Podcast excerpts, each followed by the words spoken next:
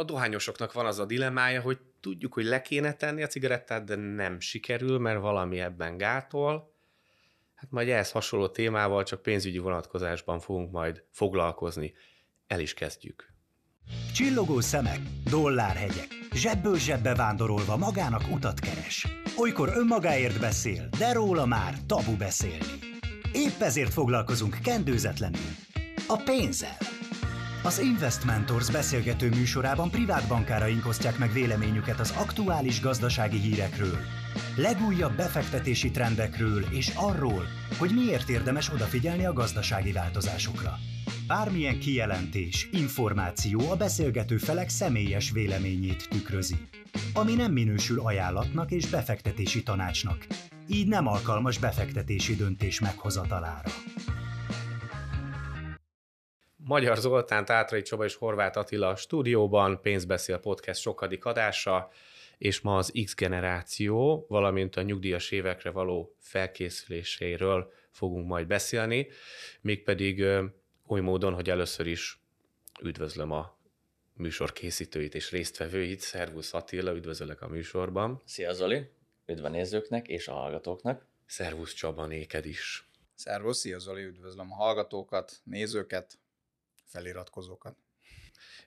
Kezembe került nemrég egy cikk, amiben az a adat soroltatott fel, hogy vannak az X generációsok, ez a népréteg nagyjából, aki az 1965 és 1981 között látott napvilágot Kárpát-medencénkben, és ők azok, akik nagyjából 20-25 év múlva nyugdíjba mennek, vagy 20-30 éven belül, és az velük kapcsolatos kutatás egy elég érdekes ellentmondást mutatott. Az egyik válaszadás az arra mutatott rá, hogy sokan úgy gondolják, hogy a legfontosabb dolog az a pénzügyi függetlenedés, illetve hogyha majd a nyugdíjas éveiket megkezdik, akkor semmiképpen nem szeretnének a megkérdezettek az államra, valamint a családtagjaikra hagyatkozni. Amikor viszont arra kérdeztek rá a kutatók, hogy van-e egyébként bármilyen pénzügyi terv arra, hogy függetlennek tudjanak maradni az államtól, illetve családtagoktól, akkor kiderült, hogy ebben eléggé rosszul áll az X generációs népréteg, hiszen mindössze csak az egy ötödének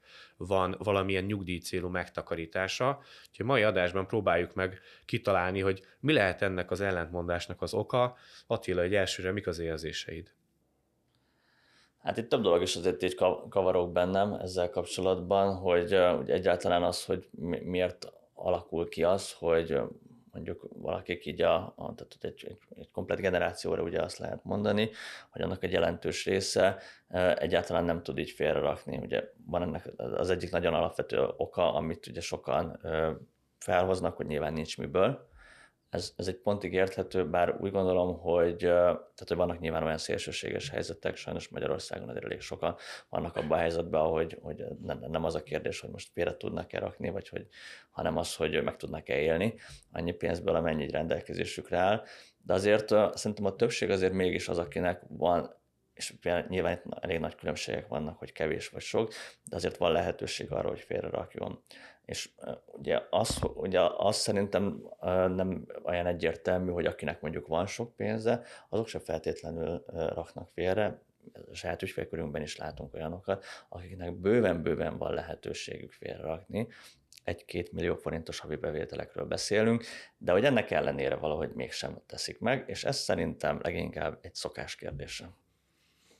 Oké, okay. neked mi így elsőre a pár gondolat? Ha már a szokásokról beszélünk, akkor a szokások rabjai vagyunk, én szoktam mondani, és körülbelül 12 évvel ezelőtt olvastam a Babilon leggazdagabb emberét, ami nagyon egyszerű terminológiára épült, hogy a bevételeinkből 10%-ot mindig rakjunk félre, és először magunkat fizessük ki, fektessük be, és kamatos kamattal gyakorlatilag ezért mesés hozamokat lehet elérni.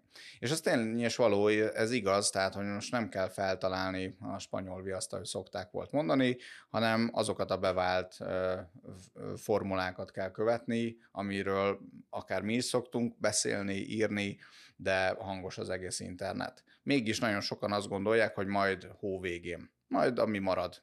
Most általában akár az X generációnál, akár az idősebb generációnál nem nagyon szokott maradni Magyarországon, tényleg itt is megint többféle társadalmi rétegről beszélünk, De hogyha ugyanolyan rendszeresen, ahogy mondjuk akár a dohányhárut, akár az alkoholt, akár az egyes élelmiszereket, amit lehet, hogy egyébként kidobunk a kukába, és szoktak ilyen mérések lenni, érdemes mindig megnézni, és erre az évre is kíváncsi leszek, hogy összesen mondjuk a magyar társadalom az hány kamionnyi élelmiszer dobott ki, amit még fel lehetne hasznosítani. Tehát summa summarum, hogyha először azt a pénzt mondjuk a bevételeinknek akár az 5%-át, és nem feltétlenül kell rögtön 10 indítani, de a 10-15%-a sem hiszem, hogy a, a hallgatóság nagy részének ez megterhelő, rakja félre, és egy olyan helyre fektesse be, ami átlátható, alacsony költségszerkezettel rendelkezik mondjuk nagyon sok megtakarítási programmal szemben, illetve az sem baj, hogyha mondjuk infláció feletti hozamot ér el, mert erre is van egyébként lehetőség. És ez elemi érdekünk, mert valahogy is ez tényleg egy ilyen zárójeles, hogy a magyar társadalom meg kifejezetten ugye úgy lett szocializálva, hogy majd az állam, majd az állam segít majd az állam egyébként kihúzza a csávából, csak most már 30 éve ennek nyomát nem nagyon látjuk, vagy egyre jobban erodálódik ez az építmény. De négy évente lehet tapasztalni. négy évente, igen. Akkor van egy nyugdíjprémium, de erre, erre sokat, sokáig nem lehet alapozni. Nyilván. Igen, az a nyugdíjprémium, ami egy, valójában az infláció okán valójában igen. a nagyon kevés nyugdíjat tovább fölemeljük kevés. Point, igen. Elnézést, hogy, elnézést, hogy ezt elárultam. Mindenki másnak, aki ezt nem szereti tudni, nekik nyugdíjprémium. Egyébként arra van pénz, azt gondolom, amire elköltjük. Ez, ez egy nagyon ilyen húsba vágó mondás, mert eléggé, hogy mondjam, kellemetlen, de igaz.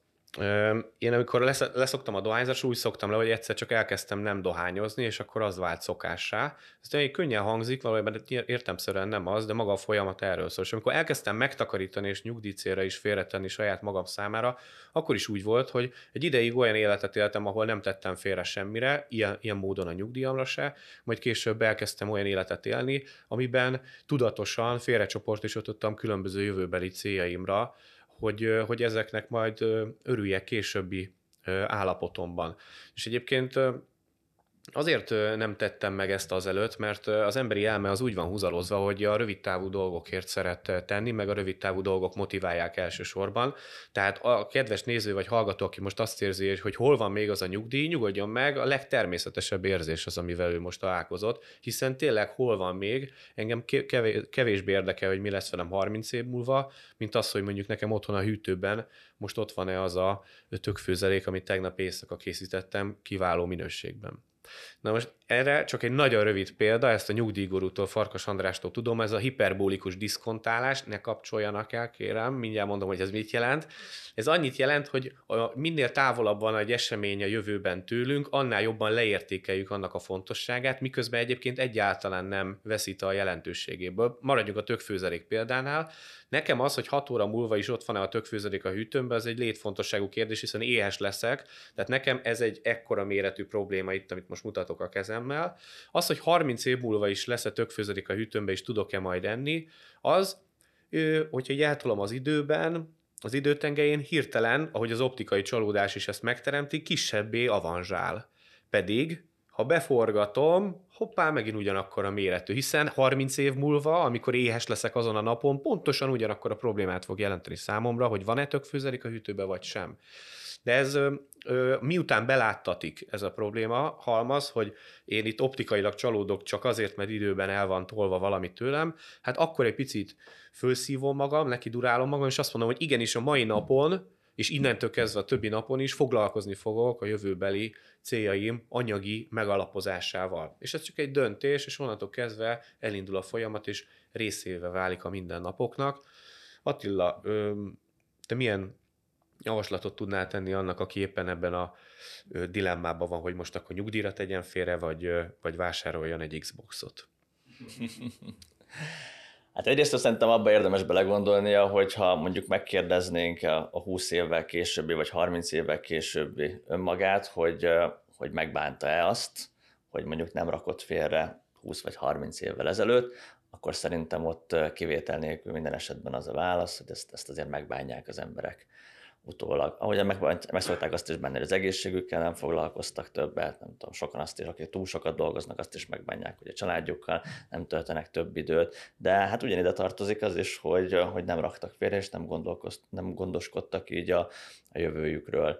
Tehát szerintem, szerintem ez az, amit, amivel mondjuk ezt a probléma tudatot így lehet mélyíteni, meg amivel egy kicsit így jobban át lehet érezni, hogyha így valaki becsukja a szemét, végig gondolja azt, hogy mondjuk ő most 20 évvel idősebb, mondjuk valaki mondjuk a 40-es éveiben jár, most képzelje el azt, hogy mondjuk a 60-es éveiben van, nyugdíjas korba lépett, leharmadolódott a bevétele, már eddig se jött ki nagyon a bevételeiből, de most, hogy harmad annyi, most már így pláne nem. Nyilván ez egy teljesen más életszínvonalat kell, meg egy más életminőséget kell így kialakítania, és hogy ilyenkor tegye fel azt a kérdést magának, hogy, hogy valahogy jól, jól csinálta azt, hogy mondjuk az elmúlt 20 évben nem rakott fél ez másik dilemma, és akkor mindjárt adnék neked is egy szót, hogy valami javaslattétellel virágoztassuk fel kedves néző és hallgatótábort. Tehát, hogy van egy ilyen ellentmondás, hogy szinte mindenki, bárkit megállítanék az utcán, és azt kérdezném, hogy rendben van a nyugdíjrendszer? Hát, vannak bajai. Jó, megfelelő mennyiségű nyugdíjra számít majd az államtól? Hmm, hát nem nagyon, már most sincsenek. És akkor feltennék még ehhez hasonló kérdéseket, amik arra mutatnának, hogy baj van, eléggé nagy, hát mindenki saját belátása szerint, de valamilyen mértékű bajt azért megfogalmazna, és tesz azért, hogy ezt a bajt elkerülje? Hmm. Itt van egy pici megáll. Igen, erre két dolgot hagy fűzzek rá, hogy uh, van először is a korfának a helyzete. Nem probléma, hanem egyszerűen ez egy helyzet, egy szituáció, egy körülmény, igen, és nem szabad magunkat becsapni, hogyha 70-72-ben, 75-ben volt, tehát a 70-es évek közepén derekán volt egy felmérés, és ott négy keresőre jutott két öreg, most ez várhatóan ilyen 30 körül meg fog Magyarországon változni, és négy öregre jut két kereső. Na most, hogyha pusztán csak ezt a tényt nézzük, akkor eleve ez a nyugdíjrendszer az, hogy tisztességes és infláció követő nyugdíjat tudjanak biztosítani maguknak, illetve a kormányok, a mindenkori kormányok az embereknek, illetve normálisan azt a 30 napot ki tudjuk bekelni annyi nyugdíjból, ez fenntarthatatlan. Tehát innentől kezdve az öngondoskodás az talán fontosabb, mint bármikor a történelem során. És még egy nagyon fontos, hogy mindenki tegye föl magának a kérdést, hogy meddig szeretne élni. Várhatóan. És mindenkinek, hogyha én is szoktam mondani, hogy szeretnék még az unokám esküvőjén táncolni, most ez egy ilyen 80 kötőjel 90 évet jelent, és az, hogy milyen életszínvonalon szeretne akkor élni. És nagyon sok rémtörténetet lehet hallani, vagy akár a közvetlen környezetünkből látjuk, hogy nem jönnek ki, tehát itt megalázott pár tízezer forintos nyugdíjakról beszélünk a a társadalom nagy részében, és az, hogy az inflációnak a kérdése, meg egyáltalán az, hogy az árak milyen szinten, akár itt az energetikai vagy energiaáraknak a szintjét nézzük, nem követik le a nyugdíjnak adott esetben az emelkedései, vagy akár a nyugdíj prémium. Tehát az elemi érdeke mindenkinek, hogy valamekkora összeget, pár ezer forintot is vagy akár pár tízezer forintot rakjon félre, mert ahogy említettem korábban, hogyha azt megfelelőképpen okosan befektetjük, és itt az okos befektetés alatt, és én azt szerintem már így az előző adásokból is elmondtam, hogy hogy én például a klasszikus nyugdíjbiztosításoknak nem vagyok a híve, én azt nem tartom mondjuk befektetésnek, nem tartom egy jó megoldásnak. A jó megoldásnak, hogyha nagyon egyszerűen akarom, akarok fogalmazni, akkor például a, a nemzetközi index alapokat, vagy vagyonkezeléseket, részvényalapokat gondolom, vagy kifejezetten hosszú távú gondolkodást érdemes mondjuk szem előtt tartani, és az sem baj, hogyha mindezt értékálló devizában. Rengeteg lehetőség van már napjainkban erre, egyébként mi is részben ezzel foglalkozunk, vagyonkezeléssel, vannak megtakarítási programok, és gyakorlatilag 50-100 eurótól már egyébként félre lehet tenni. Most gondoljunk bele, hogy mondjuk 50 euró plusz-minusz, de egyébként egy ilyen 18 ezer forint. Ezt tegye föl magának mindenki a kérdést, hogy ez az összeg, ez valójában megterhelő-e a számára, vagy sem. Oké. Okay. Leszállópályához érkeztünk ezzel a témával kapcsolatban is. Van még esetleg egy gondolat, egy, ami benn maradt, mert nem maradjék, akkor az nem tesz jót, rosszul alszunk, semmi. Jó, oké. Okay. Szóval a állami nyugdíjból való élés kockázatairól beszéltünk, illetve arról, hogy hosszú távon kisebb szokások kialakításával hát el lehet kerülni azt a bajt, amit azért a társadalom nagyobb része nagyjából ö, ö, ismer és tisztában van vele. Magyar Zoltán, Tátrai Csaba és Horváth Attila küldi üdvözletét és befektetői szeretetét minden kedves nézőnek, hallgatónak. A viszont halásra, viszont látásra. Viszont hallásra, viszont látásra. Viszont látásra. Ez volt a Pénzbeszél, az Investmentors podcastje. Ha tetszett, iratkozzon fel ön is, hogy ne maradjon le a legújabb felvételekről.